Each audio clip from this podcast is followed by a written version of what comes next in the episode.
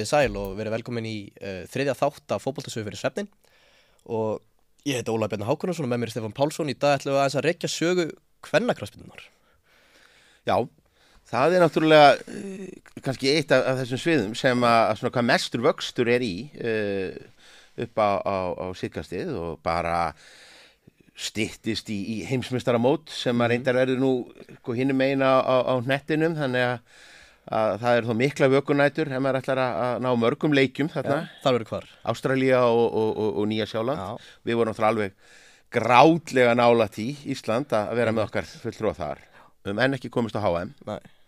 Nú viðeigandi, þú ert nú hérna í gamalli Já, landslistreiðu Lucky 13 Akkurat ég, ég er hérna í, í gömlum varabúningi fram. Þetta er nú svona viðskipta netið HF nota, til, a, til að auglýsa. Þessi er rosaleg sko. Þessi er glæsileg sko. Ha, Umbrómerkin og, og það allt saman. En já uh, Sko HM í fótbolta hefur nú farið sko uh, þróast ansi mikið frá því að, að fyrsta ofinbæra heimsmyndstarakeppnin var haldin uh, 1991 sem var í, í, í Kína og, og Bandaríkin unnu Noreg í, í, í, í úrslitum sko, þú veist, strax orðin svona skrítin nöfn, kannski svona já, al, alþjóða sambandinu samskiptinu, saminginu og, og meira að segja sko leiktíminn þá á þessu fyrsta mótu, þetta er nú ekki lengra síðan heldur en 91, að þetta voru 80 mínútna leikir. Já, ok. Þannig að það var ekki einu sinni, það var ekki komin 90 mínútna uh, boltin á, á, á, á þessu stíi sko. Nei. og, og ég man, meira að segja þegar ég er að byrja að fylgjast með uh, sé, sé fyrst, fyrst kvennaleiki hérna á, á Íslandi þegar ég er patti uh, þá voru hortspyrnur uh, teknar við uh, við enda uh, vitaþegsins Ok. Þannig að, að og, og uh, reyndar var sko leikmönnunum ákveðin vorkun vegna þess að, að þá var, var- dæmum það að kvennaliðunum væri bannað að spila í takkaskóm og grassi þannig að þær voru það var bara, Já. Og það var bara vegna það, það var bara vegna þess að það myndi bara skemma grassið Já, já, ok. Þannig að það var, það það var súhugsun sko. ekki mikið plássa með að fengi Nei, uh, og við, við kannski, við re- reykjum þetta á eftir en, en, en, en að því að við erum hérna á sakfræðilegu nótum þá förum við bara alveg sko aftur í byrjunina og uh, málið er nefnilega að, að þó að þessi stundum látið það skína að hvenna fótbolti hafi bara einhvern veginn svona komið fram um, um 1970 Mhm. um, fyrsta Íslandsmótið er 1972 uh, þá er þessi saga lengri og hún er uh, flóknari og förðulegri og, og margt af þessu er náttúrulega bara algjörlega fallið í, í gleimskunardá. Það má ekki gleyma því að þegar kemur að, að svona íþróttasögu uh, þá verður hún og þá snýst hún um uh, svona hinn formlegu íþróttasambönd. Uh, við þekkjum eins, eins og ef við erum að púsla saman bara fótboltasögu Íslands uh, þá er hún um félögin sem lifðu. Minna, K.R. lifði Fram lifði, Víkingur lifði. Uh, en það var fjöldin allur af félögum sem voru stopnuð af einhverjum strákum störfuð í einhver misseri og loknuðust út af og um þau eru engar heimildir. Mm. þannig þau hafa verið skrifuð út úr uh, sögunni. Og það sama gildir daldið um uh, hvenna fótboltan í, í til dæmis eins og Bretlandi sem er svona kannski móðurland uh, knaspinnar að uh, þegar að, svona sakfræðingar virkilega grafa ofan í heimildirnar þá sjást alveg uh, þá, þá er alveg til dæmi um það að, að uh, konur hafi spilað uh, fótbolta en það fór allt saman fram utan hérna svona formlegu félaga og það var alls ekki partur af uh, knaspinu sambandinu FA í, í, í, í Breitlandi og þar með hefur þessu verið sópa rosalega mikið undir borðið Mm. og uh, það eru svona þessi af þessum fáu skrásettu dæmum þá, þá voru svona uh, feministar í, uh, svona súf, súfragettur í, í, í, Breitlandi uh, voru að, efna til knastbyrnuleikja bara senkt á 19. og uh, við, og svona eru þessar brotakendu heimildir segja sko tala stundum um að það verði uppþótt á, á, á leikjum áhörvendur riðjist inn á, á uh, völlin og stökkvi jafnveg leikmönunum á, á, á flótta okay. og þar verðum við í rauninni kannski bara að giska hvort að eh, hvort að þarna hafi bara verið stuðningsmenn að lifa sig svona mikið inn í leikin eða hvort að þetta hafi hreinlega eh, bara kallað á neikvæð viðbröð Mhm. og það hafi bara verið einhverjir einhverjum, einhverjum karlmönnum verið misbóðið að að stúlkur væru þarna bara sparkandi í fótbolta og jafnvel léttklættar og, og, og hafi bara ákveð að taka málinn í sínar eigin hendur og bara uh, leysa þessar, þessar leiki upp. Mhm. Allavegna vitum við það að uh, knatsbyrnusambandið enska er strax um aldamótin uh, 1900 uh, farið að senda frá sér sko fyrirmæli sem að- banni í það minnsta uh, kappleiki þar sem að, að karlar og konu leiki saman. mm. Uh, það, það einhvern veginn þótti alls ekki viðegandi að þau væri hvort heldur sem væri í sama liði eða, eða leiki hvort á móti. Og þetta var hvenar? Þetta, það er, er svona, uh, það eru uh, þekkt fyrirmæli frá 1902 til dæmis og þá reikna menn með því að, að það hafi nú kannski ekki alveg verið að tilefnislausu. Þetta, það, það, það, hlýttu að hafa verið einhver dæmi um þetta Mm.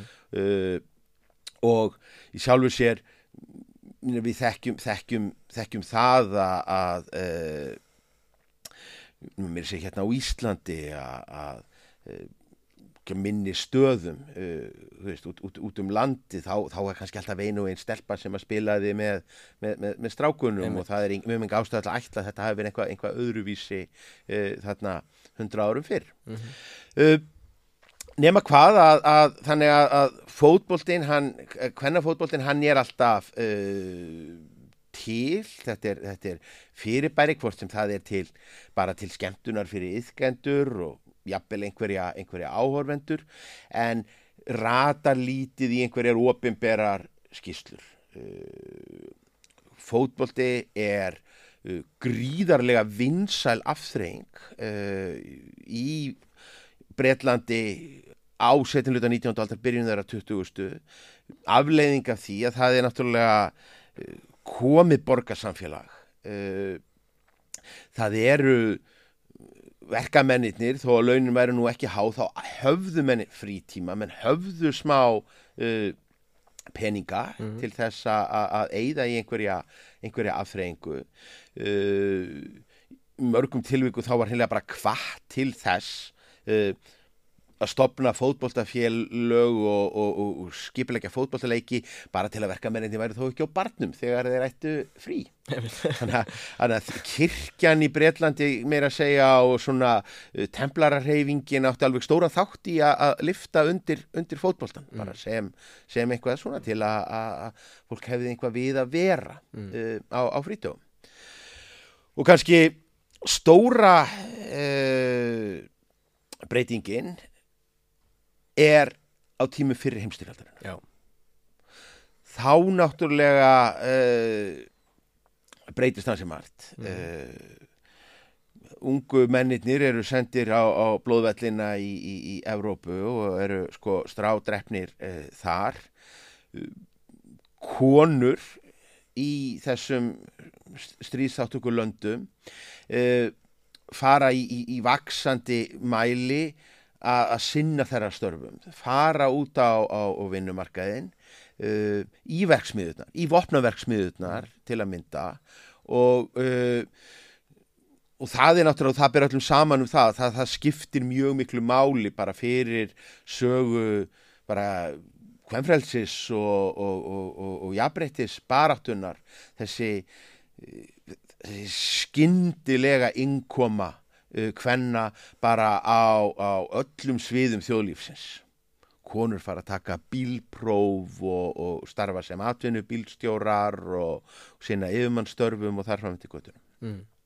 og þá náttúrulega eh, gerist tvend uh, mikið af þessum fótboltaliðum í, í, í Bretlandi hafðu verið bara verksmiðulið uh, bara í mörgum yðnaðaborgum eins og í, í, í, í Norður Englandi þá höfðu bara hreinlega eitt af því sem að, að stjórnendur verksmiða gerðu að þeir held út í fótballtaliði líka. Mm.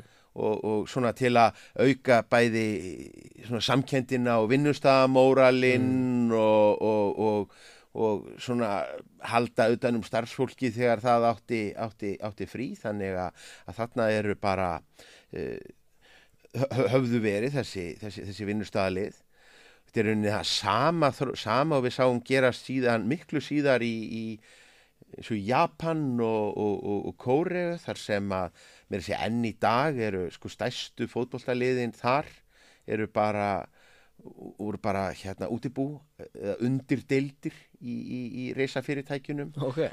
Toyota og Mitsubishi og bara allir áttu, áttu sín, sín fótbolltali okay. uh, Þannig að, að í vinnuumhverfi þar sem að verksmiðurnar eru miklu eitthvað skipaðar uh, konum og, og konur búin að ganga inn í önnur störf, þá var ekkit óæðilegt að þær færu líka inn í þetta hlutverk mm. og að, að verksmiðju liðin eruðu bara skipuð konum og, og, og spiluðu á, á lögardögum til þess að svona leta, leta móralin. Mm.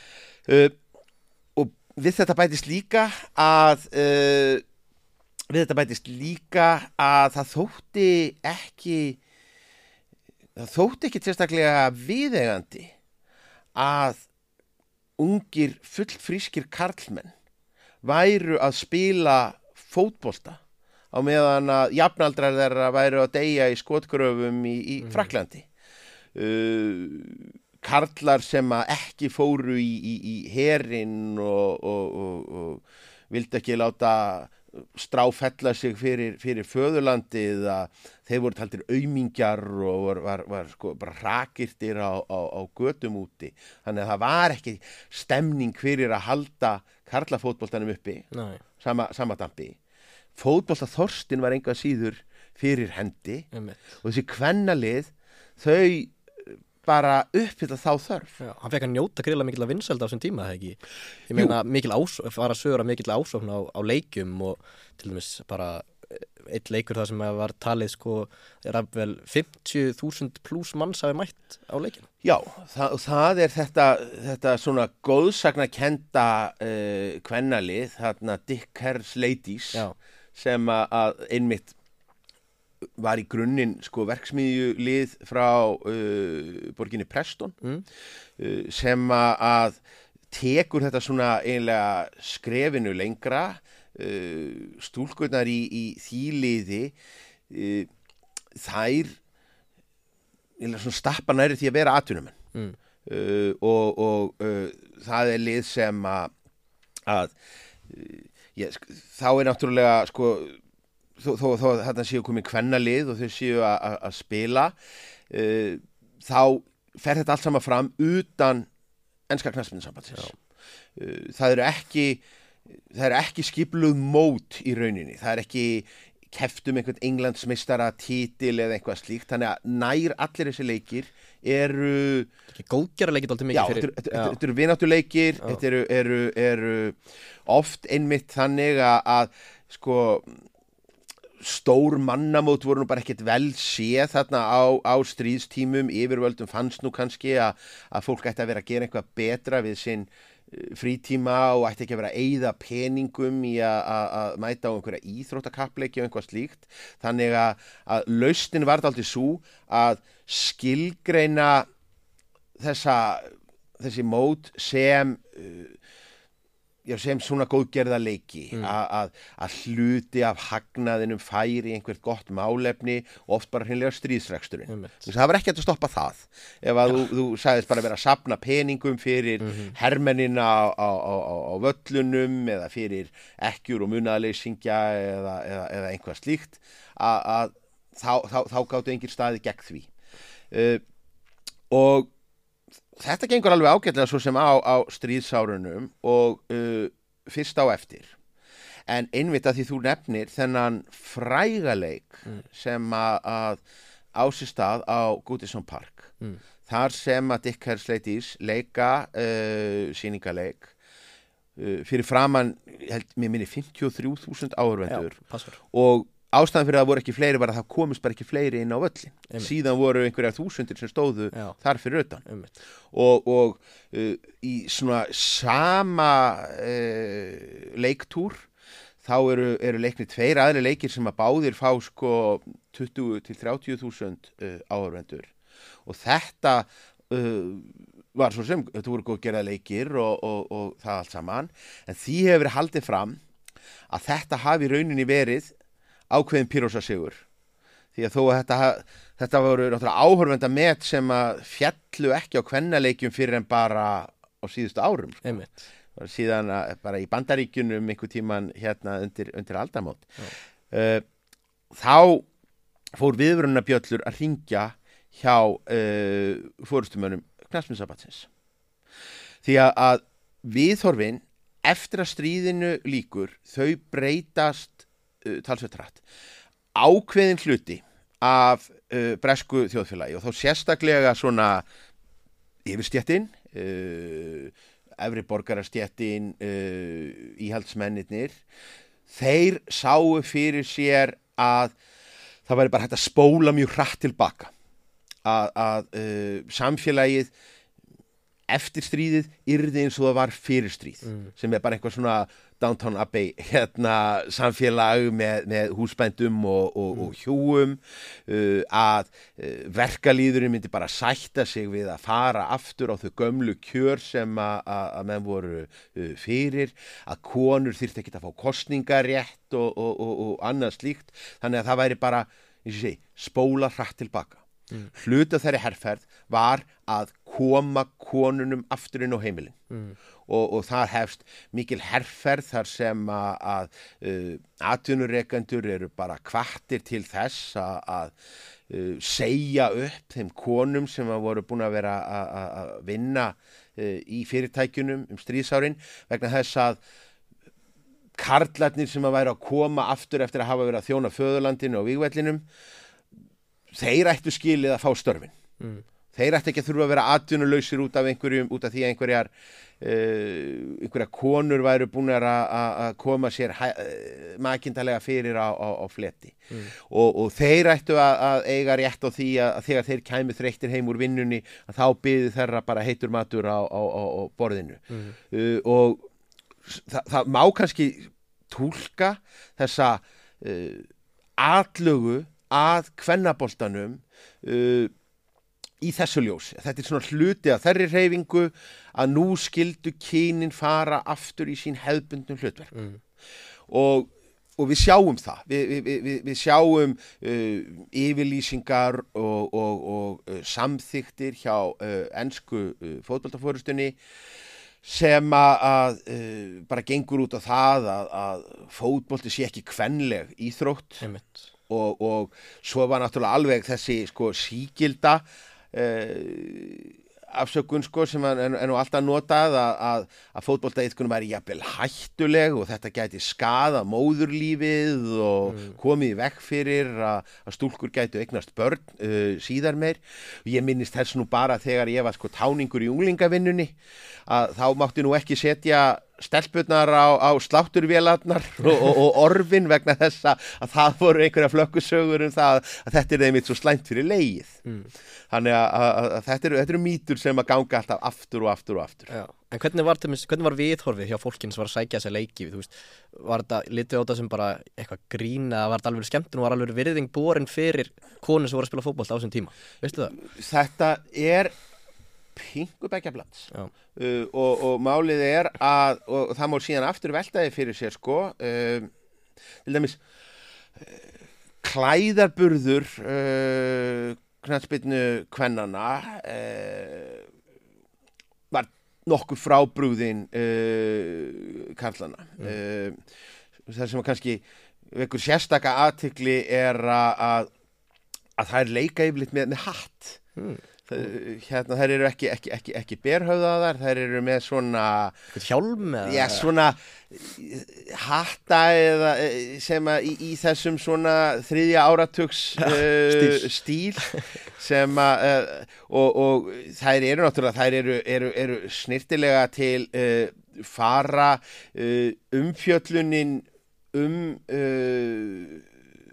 þegar, þegar, skrifað er um þetta alvarlega í, í, í, í hérna íþróttablöðum að þá er samt líka alltaf svona lögð áhersla á úst, ekki bara einhverja knattækni eða markaskorun eða, eða úslit heldur, heldur líka einhvern veginn svona uh, þokkan. Að þetta sé nú svona jújú, jú, það sé gaman að horfa á skemmtilegan leikar ekki spilli fyrir að þetta sé nú talsveit fyrir auga þetta séu fallegar ungar, ungar stúlkur og, og það sé nú gaman að sjá þær daldaldið hérna. Og æslast sko. Uh, svo má aftur velta því fyrir sér sko uh, hvort að það sé að öllu leiti við, við, við sjáum ef, við horfum á kannski þær íþróttir sem var félagslega viðurkendara að, að stúlkur yðguðu á, á þessum tíma eins og til dæmis uh, fimmleika Mm. uh, þá sjáum við, við það að, að, að þar er er, er, er, er svona, svona umfjöllun sama, sama stefið. Þar, þar dást menn að, að, fimi og, og færni e, stúlknana en það er líka hort á, á útlitið og, og, og hérna limaburð og, og, og, og klæðnað og, og, og, og annað slíkt. Já, þetta týðkast bara ennþá í dag Við sjáum það bara Þa, á það, það, er það og, og, og, og í, í rauninni sko uh, væri það endilega einhver, einhver sko stórsigur í, í, í, í jafnbrettisbaráttunni ef það væri ekki hérna hort til, hort til þessara, þessara þáttar, Ma, maður veit það ekki. En hérna En, en það, er alveg, það er alveg ljóst að, að, að knaspindusambandið uh, reynir að, að, að tækla kvennaboltan þarna eftir, eftir stríðið með þessum rökum að þetta sé ókvennlegt og þetta sé, sé hættulegt. En síðan má færa fyrir því rök að þeim hafi líka fundist sér vera ógnað þannig að þessi óbúslegi áhörundafjöldi sem var farin að mæta á stakka leiki að þar hafi uh, fórustumenn uh, kallaliðana bara er að bara fylgst öfund Mm. því að það sem að, uh, ennska knastmennsamdi er að gera á þessum tíma er að það er, er verið að stækka deildakeppnina uh, ennska deildin er þá í rauninni orðin sko fyrsta deild, önnu deild og svo tvöföld þriða deild, norðu deild og, og, og söðu deild Já. þannig að í rauninni komin þessi fjöldi, þetta er orðin um, um 90 félög eins og er enn í dag í, í, í, e, í ennsku deildinni Já. þannig að þetta eru gríðarlega margir klúpar að berjast um áhorvendur og, og, og, og hilli uh, atvinnumanna lið og þau bara, þe þeim svíður að sjá 2000 áhorvend að mæta á þennan leik sem að er ekki undir ennska knastmyndsambandinu. Mm. Þetta er bolti sem að- lítur ekki uh, þeirra stjórn og spilið þetta spjald sem að menn höfðu geta notað á stríðsárunum og fyrst á eftir að þetta var einhverji góðgerða leikir Mhm. það er farið og, og ennska knaspinu sambandið getur fyrir vikið beitt sínu afli til þess að stoppa þetta. Já. það má alveg velta því fyrir sér ef að menn hefðu haft bara ímyndunarafl í uh, fórustu sveit uh, enska knaspindusambandsins þarna árið 1920 og 21 til að segja, heyrðu, eigum við ekki bara að taka þetta inn undir eh, okkar vendavæng, eigum við ekki bara að hleypa þessum kvennaliðum inn í knaspindusambandið þá er viðbúið að- greinin hefði bara dafnað og, og, og, og vaksið. En þetta voru yngir jafnbreytti sinnar sem að voru þarna í, í, í fórsvari. Þannig að 1921, þetta er, oft sagt að þá hafi uh, kvennaknarsbyrna verið bönnuð Mm. í Englandi. Það er ekki alveg nákvæmt. Það sem gerist er það að ennska knarsbyrnsambandið sendir út yfirlýsingu þess efnis að aðildafélögum uh, þess sé bannað að leia eða lána fótbolltavellina sína undir kvennaknarsbyrnu. Þannig að, að uh, ef að uh, eigendur fótbolltavalla leia völlin fyrir kvennaleiki, þá verða sömu leikvangar ekki löglegir fyrir keppni kallabólta. þannig að strángtiltekið mátti hvaða vallar eigandi sem er leia kvennaliðunum uh, völlin en það gerði það engin vegna þess að tapið á, á, á hinu viðskiptunum var svo miklu miklu meira. Einmitt. Og þá í rauninni er fótunum sópað undan greininni. Mm. uh, jú, jú, það var hægt að spila áfram á uh, það var hérna annað afbreyðið af, af, af rúbbi, rúbbi skiptist í, í, í, í tvö afbreyði og, og annað afbreyðið af rúbbiinu uh, leit svo á að þeir væri ekkit í neinum tengslum, þeir þurfti ekkit að, hlýða knæsmundsambandinu með þetta. Og það var hægt að spila á, á þeim völlum, einhverjir frjálsithróttavellir sem að fengust uh, lánaðir. Uh, Dick Hers Ladies uh, félagið uh, þraugar í smá tíma þarna á eftir fara til bandaríkjana í, í fræga uh, keppnisför Mm.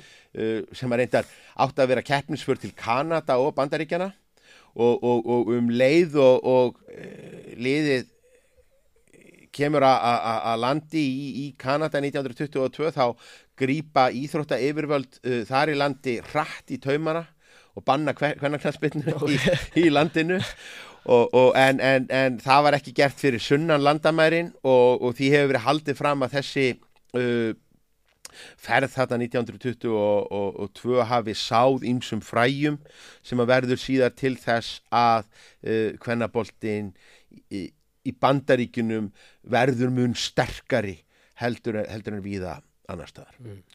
og þetta hefur árun á eftir þá uh, grípa, þá fylgja fleiri lönd í, í, í, í fótsporið. Uh, norðmenn, þeir banna uh, kvennafótbolta. Uh, Þjóðvera sömulegis 1941 Já, þeir, þeir, þeir gera það uh, og uh, svo er svona deilt um það hvort að það í, í, í, í, í víða annars þar á meginlandinu hvort að menn hafi yfir höfuð talið það, það, það nöðsynlegt uh, konur spiluðu fótbolta víða á meginlandinu. Þetta er algjört jáðar fyrirbæri þetta er, þetta er, þetta er hérna þetta er svona neðanjarðar uh, kultúr og þetta er ekki grein sem að veltir uh, neinum uh, peningum. Það er pínlítið skemmtilegt í þessu samengi að Íslendingar áttu svona við áttum, áttum svona smá tíma í, í hérna í sólinni þarna á þessu upphafskeiði Eitthvað blómaskeið hana já, því að á árum fyrir heimstyrjaldarinnar þá var stopnað sérstakt uh, knatsbytunlið kvenna á Ísafyrði og hétt kvöt einmitt, og uh, var nógu stór til þess að- að að það gætt stilt upp liðum og, og, og leikið uh, innbyrðis, það var, var hérna uh, íþróttakennari á, á staðnum sem að, að stóð fyrir uh, þessu. Uh, og innan knæspindifélagsins Víkings uh, snemma á þriðja áratögnum þá var staðið fyrir uh, fótboltaæfingum uh, sem að- fyrir, fyrir, fyrir, fyrir stúlkur. Og það eiginlega verið síðan hafa bara lognast út af meðal annars bara vegna þess að, að það fekk svona frekar hörð viðbrögð í, í, í samfélaginu, stelpunum sem að, æfðu þarna, þeim var, var, var stríkt á þessu og uh, meðal þeirra sem að, voru í þessum fyrsta fótbolta kvennaflokki vikinga á þriðja áratugnum var stórleikonan Anna Borg sem að gatum það í sínum endurminningum að, stelpunar hefðu hætt eftir að þeim var sagt að uh, eftir að þeim var sagt að, að, að fótboltaspark gerði það að verkum að fæturnin stækkuðu á fólki. Og það þótti nú ekki sérstaklega fínt að vera með einhverja stórar bífur hjá, hjá, hjá ungum stúlkum. Ég að ég myndi nú frekar segja að þetta verið öfut sko. sko, fætunni mínir er bara sko minka og minka með hverju fótboltaskonu sem ég er fyrir sko.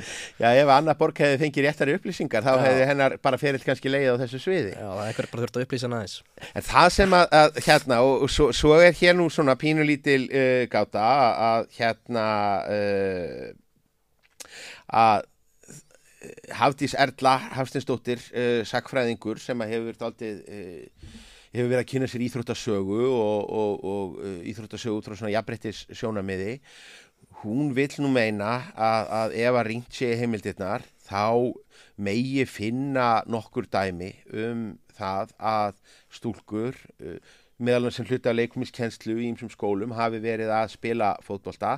En það er pínlítið erfitt vegna þess að í heimildum þá er oft bara talað um boltaleiki Mm.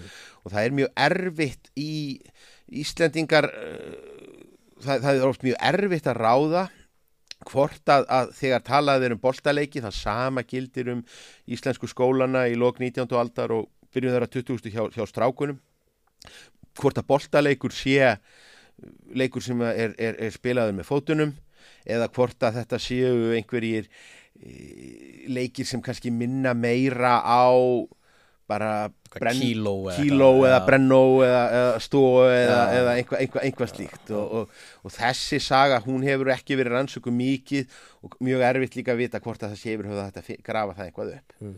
en maðurinn sem að, að uh, maðurinn sem að, að stendur á, á bakvið þessar fótboltaæfingar stúlknana í Víkingi er Axel Andrésson En á þriða, áratugum Já, á þriða áratögnum. Já. Það er Axel, Axel Andrésson sem er svona, hann er faðir uh, Víking, stopnar, er þetta stopnendum Víkings og er þá bara sko, hann er svona 10 ára eða 11 ára Ok.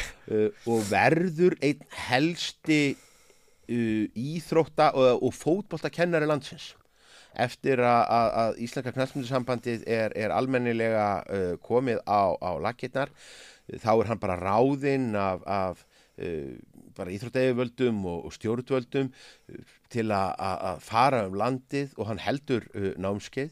Er að mörguleiti fadir knallspinnunar á, á Akranesi þannig að hann er náttúrulega gríðarlega áhrifamikil persóna í, í íslensku fótboltalífi og við annar staðar á, á, á landsbyðinni kendi reglur, held dómara námskeið og þar fram eftir göttunum og uh, hann tekur mjög snemma þann pól í hæðina að hann kennir á sínum uh, námskeiðum vítt og breytt um, um landið. Þá kennir hann uh, drengjum fótbolta og svo kennir hann báðum kynjum handbolta. Mm. og handbolti verður kvenna Sporti kvennaboltasportið Já, á, á, á Íslandi uh, jafnvel í sko meira mæli heldur en meira að segja í sko skandinavísku uh, löndunum. Og þar komum við aðdaldið svona uh, merkilegu fyrirbæri í, í, í íslenskri íþróttasögu. Ef við ef við horfum á stóru boltagreinata þrjár á Íslandi. Horfum á fótbolta, handbolta og körubolta og, nú er fullt af blag áhuga mönnum sem mm. verða mjög mókaðir en uh, þá sjáum við það í rauninni að uh, sko þó að ég ætla ekki að gera ég ætla ekki að gera lítið úr því að í handbóltarhefingunni hefur verið hafa verið karlrembur og, og, og kvennaliðin hafa þurft að berjast fyrir, fyrir sínu til þess að- fá jafnbretti til, til, til jafns við, við, við, við kallana þá held ég að það sé erfitt að þræta fyrir það að uh, jafnbrettið í handbóltanum hefur alltaf verið miklu meira mm. munurinn á stöðu kvenna handbóltans versus karla handbóltans er á, hef, hefur verið og sérstaklega framan af á allt, allt öðru stíi heldur en í uh, fótboltanum og körubóltanum. Mm. Þau lið sem að höfðu kallalið í handbólta, þau áttu yfirleitt kvennalið Mm. uh, fjöldi þáttökulið á Íslandsmóti miklu nær því að vera í, í jafnvægi uh, ekki bara fyrsta heldur lang fyrsta konan til að vera valin íþróttamaður ársins, það er handbóltakona eftir að, að, að Íslendingar verða norðurlandameistarar í, í, í handbólta, reyndar á laugadalsvelli því það var leikið utandira Ok. og á grassvelli uh, og, og, uh, og svo mætti lengi telja En var þetta bara því að handbólti var tala um svona frekar hæfandi konum eða sko það er nefnilega ef maður, maður veltir í fyrir sér Já. að nú er þetta daldið, daldið ef maður bara hugsa um þessa íþrótt. Mm. nú er handbolti mjög líkamlega íþrótt.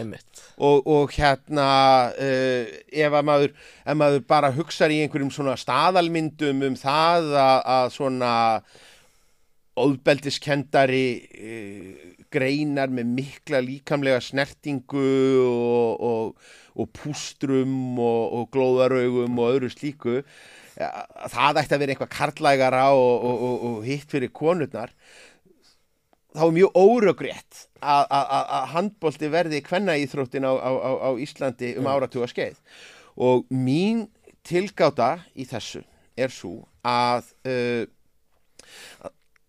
að munurinn á, á þessari afstöðu uh, byggir á því að uh, konur og karlar byrja á nálega sama tíma að yðka handbolta uh, hér á landi. Þegar að fyrsta Íslandsmótið er haldið í, í handbolta 1940 eftir að Íþróttós Jóns Þorstenssonar er, er komið á, á, á Lindargötuna þá er keft í kallaflokki og kvennaflokki. Þannig að, á einhvern hátt þá þróast kallahandboltin og kvennahandboltin á Íslandi alltaf samhliða. Mm. á meðan að þegar að hinagreinarnar koma til sögunar þá eru uh, konur að koma inn í grein sem er þegar svona establiseruð sem kallagrein. Dóminöruð að já. og þær eru einhvern veginn að ráðast inn á einhvað svið, þær eru að mæta inn í einhvað partí þar sem þær voru ekki boðnar. Mm. og það kallar á uh, viðbrögð og, og, og, og Afbrýðisemi og, þannig að, að ég held að þetta skipti talsveit miklu máli fyrir það sem að, að uh, síðar verður og við komum aftur að Íslandi Mm. og stöðu handbóltans og handbólta kvenna á eftir en nú skulum við fara að huga því hvenar fótboltin er svo endurvakin Mhm. á, á meilandin og annar staðar í, í, í, í heiminum og þá er þetta aldrei merkilegt að það gerist á ótrúlega skömmum tíma Mm. það má eiginlega segja að uh, fótbolti vissulega sem eitthvað svona jaðar fyrirbæri og, og, og hérna undir ratarnum var til nokkuð víða en uh, landslið uh, semst, landsmeistara mót uh, þetta, þetta byrjar bara í hverju landinu á fætur öðru á uh, þröngu árabili í kringum 1970 Mm. og uh, þetta þetta mann kannski furðulegt ef að í rauninni bara krafan hefði ekki komið að ofan þannig að, að á, á, á sama hátt og, og uh, það voru uh, fótbolta yfirvöld sem að drápu sjálfsbrotting hvenna fótbolta uh, á fyrirluta 20. aldar að þá eru það þau sem að búa greinina daldið til uh, á, á uh, setinluta aldarinnar og það held ég að hljóti hafa bara verið í takt við bara þróunina í íþróttarhreifingunni almennt. Mm. Við sjáum það ef við horfum til dæmis á olimpíuleika, við skoðum bara greinarnar og, og, og, og yðkendurnar á, á olimpíuleikum, þá sjáum við að e, framanaf er bara mjög skýr og afdráttarlaus uh, kynjamunur. Uh, það sem að, að það er byrjað á greinum sem að þó- þótti bara svona viðurkenda konur keftu í, þær fengu að keppa í golfi, þær fengu að keppa í tennis, þær fengu að keppa í bókfimi, uh, greinar sem að, fólu ekki í sér neina líkamlega snertingu uh, keppenda og, og, og voru jafnvel taldar ekkert sérstaklega líkamlega erfiðar. Mm. Fimmleikarnir koma snemma inn og það er engin áhersla á að, að þetta séu nákvæmlega sömu greinar fyrir kalla og konur. Uh, það verður mér að segja sko bakslag á þriðja áratugnum þegar að, á frægri olimpíu keppni í olimpíuleikunum í, í, í Amsterdam uh, 1928 uh, þá er keppt í 800 metra hlaupi uh, kvenna og það er bara hlaupa og, og, og, og í lokin eru það náttúrulega bara úrvinda og leggjast í, á, á völlin eins og keppendur í sprettlaupi gera. En þetta þótti bara algjör neysa Pávagarður fordæmir frjálsýþróttahýðkun hvenna mér að segja og, og telur hana bara ekki hérna uh, guði þóknanlega. Og, og þá er einhvern veginn það að, að íþróttamennir síndu merki um bara uh, líkamlegt líkamlega þreitu Já. var einhvern veginn uh, talið sko, meðan það var talið lofsvert hjá, hjá, hjá, hjá körlum að þá var það náttúrulega talið bara hræðilegt og nýðurlægjandi hjá konum Mm. uh, þannig að- þessi stóra innkoma kvenna í bara allar íþróttir uh, byrjar eftir stríð uh, og hún hangir dálítið saman við samkeppni risaveldana Mm. Uh, banda, eða, bandaríkin og, og, og, og vestrið og svo Sovjetríkin og þeirra fylgiríki þau keftu á öllum sviðum þau keftu á sviðum lista þau keftu á sviðum uh, vísinda og þau keftu á sviðum íþrótta Mm. og bara frá og með uh, olimpíuleikunum 1952 þá er það afskaplega ljóst að bandaríkin og Sovjetríkin eru að keppa um fjölda gullveluna Mm. Og eru bara með markvissum hætti að byggja upp íþróttagreinar sem jafnvel njóta ekki mikill að vinsælda í viðkomandi löndum til þess að fá fleiri velun á olimpíuleikum til þess að skora einhver prík í kalda stríðinu Mm. og ímynda keppni þeirra og Sovjetríkin lögðu uh, áherslu á það að þar væri staða kvenna betri og hinn frjálsa sovjetkona var, var hérna líkamlega sterk til þess að, því að hún væri einhvern veginn jafningi uh, Karlmannsins þannig að, Östurblokkin uh, lobbyar stift og vettvangi íþróttarhefingarinnar fyrir því að það séu keft í fleiri og fleiri greinum í kvennaflokki líka og við förum að sjá þetta á, olimpíuleikunum jafnt og því að það fækkar alltaf þeim greinum sem að bara annað kynið keppir í Mm. og andspænis þessari bylgju þá kemst fótboltinn að þeirri niðurstöðu að það sé í rauninni frekar hallarislegt að það sé ekki til hvernagrein Mm. og uh, UEFA og uh, FIFA senda uh, bara ordru til uh, sambandana um það að uh, nú sé tímabært að, íta undir það að, að kvennaflokkar séu stopnaðir innan uh, íþróttafélaga Mm. og hér á Íslandi þá tekur þetta á sig þá mynd að Albert Guðmundsson sem formaður KSI að hann bara hvetur sín félög til þess að- byrja að skipuleggja stúlknaæfingar uh, og það er þetta merk og, og svo er það bara bóðað að, að, að það veri farið að halda mót. Byrjar sem innanhús uh, fyrsta uh, Íslandsmótið er, er haldið uh, innanhús uh, 1971 og svo er farið að spila utan dýra árið eftir 72 og þetta er vekur mjög takmarkaða kátínu hjá uh, stjórnendum félagana þannig að það þarf í rauninni uh, það þarf aldrei að snúa upp á hendurnar á köllunum sem eru að reka uh, knatsbyrnu deildirnar uh, hér í, í, í bara allstaðar hérna á höfuborgarsvæðinu til þess að þeir fáist til þess að að skipuleggja þessar, þessar fótboltæfingar Mm. og viðbröðin er alltaf þau sömu það eru alltaf fái vellir. Það er ekki pláss, það er ekki pláss í íþróttahúsunum það er mjög takmarka það eru umsetnir allir hérna uh, malavellitnir og grasvellitnir og við höfum engin laun til þess að- borga einhverjum uh, þjálfurum.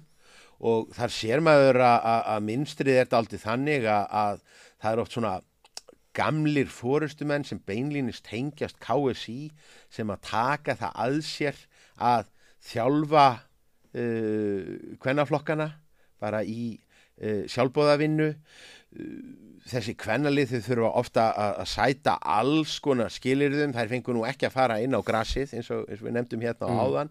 Eh, og ef, ef, ef þeim var hleyft inn á grassvöll þá var það bara á stregaskóm eðilögðu nú ekki takkandi þeirra tættu nú ekki upp grassið fyrir, fyrir strákana og, og, og þar fram eftir, eftir göttunum uh, og þessar fyrstu fótballakonur uh, á, á Íslandi það eru það eru handbóltakonur uh, þannig að, ef að maður, maður lítur yfir uh, þessi fyrstu íslensku meistaralið í, í, í fótboltanum uh, þá sér maður þetta eru sömu liðin sem að tefla fram uh, liði í, í, kvennafótbolta og eru með sterk handbóltalið mm, Hversu er það? Það er þá rauninni þannig að, að e, í kallaboltanum hafði e, kallaboltanum hafði reglan verið svo að handbolti var vetraríþróttin og var inni Mm. fótbolti var sömaríþróttin og var úti og þetta voru sömu menn sem að voru að spila á báðum stöðum þannig að fjöldin allur af bara ef við förum aftur á sjönda áratugin, jafnvel áttunda áratugin þá erum við fjöldan allan að mönnum sem að eru meist, leika meistaraflokksleiki og jafnvel landsleiki bæði í fótbolta og handbolta. Einmitt, Hemmi Gunn og Hemmi Gunn er gott dæmi og, og, og það er hægt að, að, að- að telja hérna ímistæmi upp um þetta. Mm og það þýtti það að bara þegar fótboltatímabilinu þegar fótboltatímabili byrjaði þá hættum við bara að æfa, æfa handbolta og, og hérna fóru bara út. Uh, í kvennaflokknum gerist það hins vegar að uh, það var þá uh, handbolt vetraríþróttin var handbolti innandira og sumaríþróttin það var uh, það var utanhús handbolti mm, sem að er uh, mjög kunstu íþróttagrein sem að er, er löngu hætt. Ég held að, síðustu Íslandsmótin í, í utanhús handknætleik hafi verið snemm á nýjunda áratugnum, uh, spilað á, á Malbyggi og hérna uh, grein sem að svona laut aldrei öðrum lögmálum heldur en, heldur en hefbundin uh, handbolti. Ég veit til þess að spila á gerfigras út í Svíþjóð og unglega mótum hann á, á sömri til sko Já, þetta eru, þetta eru mjög, þetta eru, uh, eins og segi, þetta er, er kunstut sport Já. sem að dó í rauninni við það, í, sko, deyr miklu fyrir í kallaboltanum. Í kallaboltanum uh, þegar að, að, að uh, þá, þá, þá er þetta í rauninni, þá voru svona einu sem að, heldur lengi áfram að, leggja einhvað upp úr uh, handbolta utanhús, það voru, voru einmitt þau félög sem að áttu ekki fótboltalið sem að náðu neinu máli haukar í hafnafyrði Mm. voru aldrei með, með, með stert fótboltalið þannig þeir, þeir syndu, syndu handboltanum. Kannski sama saga ennþá í dag. Hú, þar, þar, þar hætti hálfur hafnafjörður að hlusta á, á, á þáttinn. Uh, en, en hérna þetta leiði lengur þetta leiði lengur hjá, hjá uh, konunum meðal annars vegna þess að uh, mörg líð út á landi sem að, ekki höfðu aðgangað uh, íþróttahúsum og gáttu ekki verið að keppa á Íslandsmótinu innan húsi við veturinn. Þau áttu kannski öflug útilið þannig að, að lið eins og Völsungur frá Húsavík var, var, var hérna lið sem barðist um Íslandsmeistaratitla í handbólta uh, utanhús, keftu aldrei innandýra Mm. þannig að þetta var svona pín, pínu flóknari mynd. En stelpurnar í uh, handbóltanum sem voru í úti æfingum á sumrin og, og, og úti spilun þær gripu stundum í fótbolt á æfingum. Og þetta er náttúrulega alþekkt að handbóltamenn hvernig hýta þeir upp? Þeir hýta með því að fara í fótbolta Já. sem að- er fullkomið ábyrðaleysi og stórhættulegt. Þetta vita þetta er að bumbubolti er náttúrulega mest að slýsa gildra hérna eh, allra, allra íþrótta. Þannig að, þessi fyrstu svona skipulögðu fótboltaleikir eh, hvenna þeir eru með uh, kvennaliðum í handbólta sem er að spreita sig í fótbólta Mm. og KSI gerir sitt til að lifta þessu.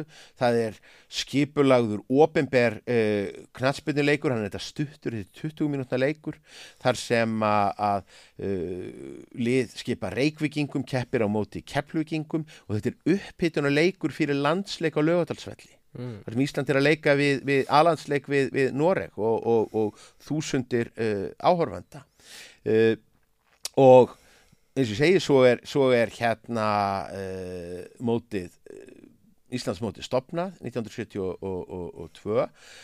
og oft með sko hangandi hendi knaspinu deildana við sjáum endalausar fregnir af, af, af því að og, og, og alveg ótrúlega lengi.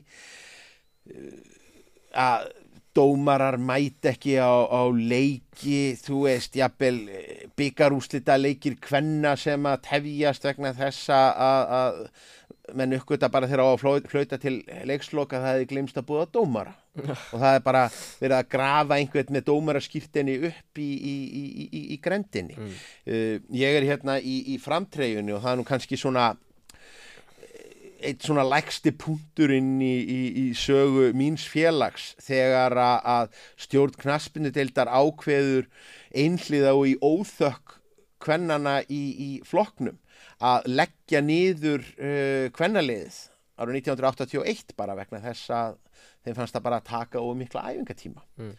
uh, í því liði voru sko uh, stúlkur sem voru sko margfaldir Íslandsmeistarar í, í, í handbolta. Uh, fóru og, og gengu til liðs við, við breyðablík og hjálpuðu til við að leggja uh, grunninn að því sigur sæla liði og þar komum við kannski afturdaldið inn á þessa, þessa kenningu að við sjáum það að fótboltinn hann á kannski hvernafótboltinn á, á auðveldara með að þrýfast í innan breyðabliks sem að var félag sem var með mjög veikburða kallaflokk mjög litla sögu í kallafótbolta Mm. Og þá er einhvern veginn eins og að, að, að konurnar séu ekki að koma jafn mikið inn og, og, og, og, og, og augra og vera að, að, að hyrða einhvað sem að aðri töldu á þeim bæri. Einmitt. Og svo það eru heimsmeistarkeppnin sem var aðna fram, fyrsta heimsmeistarkeppnin fer fram 1970 í Ítalju, eða ekki? Já, Eða svona ekki ofinber heimsmeistarkeppni en Já, eiginlega, það, það, er, það er pingu skemmtilegt, það, það er nú kannski dæmi um það hvernig menn hérna uh, vilja, vilja þetta aldrei svona skrifa söguna út frá, frá, frá Sigurvegurum uh, fyrsta eh, stór, stóra keppnin Mm. sem að, uh, gaf sig út fyrir það að vera heimsmeistarakeppni og var óopinber hún fer fram í Mexiko 1969 Mm. og er merkilegt mót og skiptir máli í, í, í uh, þessari svona endurreist uh, kvennafótboltans í Evrópu uh, vegna þess að þarna er Mexiko nýbúið að halda heimsmyndstarakeppnina uh, 1968 með rísastóra velli og með alla þessa innviði.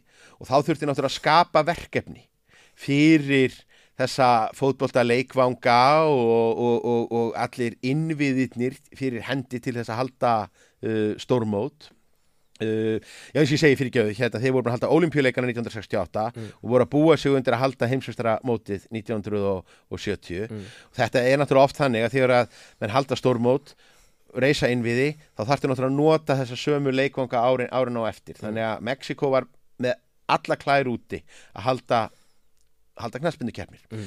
þannig að, uh, þeir efna til óopinberrar heimsmyndstararkeppni 1969 bjóða líðum frá uh, Evrópu og sem er þá í mörgum tilvíkum bara einhver félagslið sem er samt dubbuð upp sem landslið þannig að einhvert, einhvert uh, danst félagslið er bara kynnt til söguna sem danska landsliðið og, og sama gildir með, með, með Ítalíu. Og þessum liðum er bara flóið til Mexiko, allur kostnaðu greittur. Bara vinnutap og, og, og ferðir og, og fín hótel. Og það eru 20.000 sem að mæta á uh, á leikina mm. og, og uh, þetta er mót sem að skiptir fyrir vikið mjög miklu máli í að þessari, þessari endurreist hvernig fólkvöldans en hefur verið stríkat aldrei fallega út úr sögunni vegna þess að hafa hann eitt og annað í tengstum þetta mót sem að nú kannski ekki alveg politikali korrekt í baksíni speklinum vegna þess að uh, mótshaldarar kynnt rættu þetta að því að við vorum að veltaði fyrir okkur hvernig menn hefðu nú séð hvenna fótbóltan emitt í aldarbyrjun, hvort þetta hefði verið algjörlega bara íþróttakeppni eða hvort þetta einhverju leiti verið svona hálfgett grín Emitt. að uh, skipileggendundin þetta uh, 69 kynna þetta öðrum þræði sem bara svona hálfgett fríksjó mm. að þetta þykir ofsalega skrítið, allir pallarnir eru fullir af einhverjum hérna uh, meksikóskum áhörvendum sem vissulega borguðu fullan aðgangseri mm. voru öðrum þræði bara að horfa á stelpur í, í stuttbuksum uh, svona þetta þótti nú og þótti var aldrei meira fagnað heldur en þegar einhver gerði svona kunstug mistök mm. þá, þá var það gaman uh, til að, að svona árétta það að þetta væri nú ekki alveg alvöru fótbólti að þá voru mörkin og markstangirnar lituð bleik mm. og, og, og í allri kynningu þá var gert mikið úr því að, að sko í búningsklefunum væri búið að setja upp svona snirtiborð þannig að, að hver og, og einn knastbyrnustúlka geti nú sko púdrað sig og passað hárgreifsluna og haft það allt saman í, í, í fínu lægi áður en farið var út á, á völlin margt af þessu hefur ekki elst mjög vel. Mm. þannig að það er kannski ekki skrítið þó að e, knaspinu konur sem að vilja náttúrulega taka sína íþrótt alvarlega og líta á sig sem jafnokka karlmanna hafið tóltið sópa þessu móti undir uh, teppið eins nefnir síðan þessi móta á, á, á, uh, á Ítalju sem að fara fram. Það er tóltið merkilegt að Ítalir Uh, kannski að sumuleiti eins og var í kallaboltanum á sínum tíma þá er komin svona vísir að atvinnumennsku uh, á Ítalju kemur kannski smá ólíklegri átt úr, úr ólíklegri átt uh, en uh, bara fótbolta áhugin uh, þar var, var, var nægur til þess að uh, drífa svona litla atvinnu deilt þarna á 8. áratöknum, hún var alltaf óbóðslega veikburða og eh, líka daldi svona þetta pínulítið þetta element að það væri nú svona þetta væri nú svona skrítin og kunstug íþrótt og þú væri öðrum þræði væri líka bara að horfa á sætarstelpur uh, sprikla mm -hmm.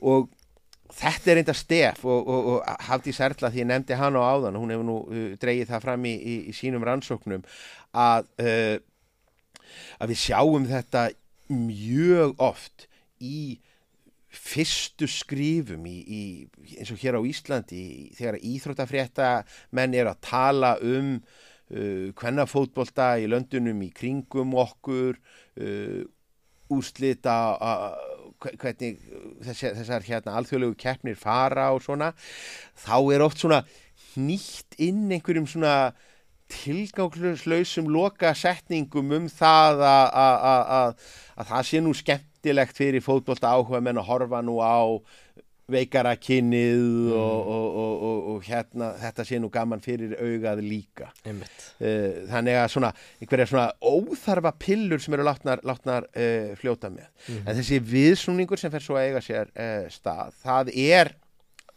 uh, fylgið því þáldið að bandaríkin bandaríkin álpast til þess að vera eitt sigur sælasta uh, kvennaliðið uh, í þessum fyrstu uh, fyrstu heimsvistramótu mm. töluðum nú um þessa fyrstu ofinberu heimsvistrakeppni 1991 mm. með 80 mínútna leikina engir styrtar aðilar og, og uh, mörg svona uh, keppnislið sem okkur þætti skrítin í, í, í, í dag Norður Kórea var stórveldi í, í, í, í kvennafótbolta Ok. svo, svo, svo dæmi sé, sé tekið. En bandaríkjamenn hafa nú alltaf verið góðir í að- vera sko stoltir af sínu fólki.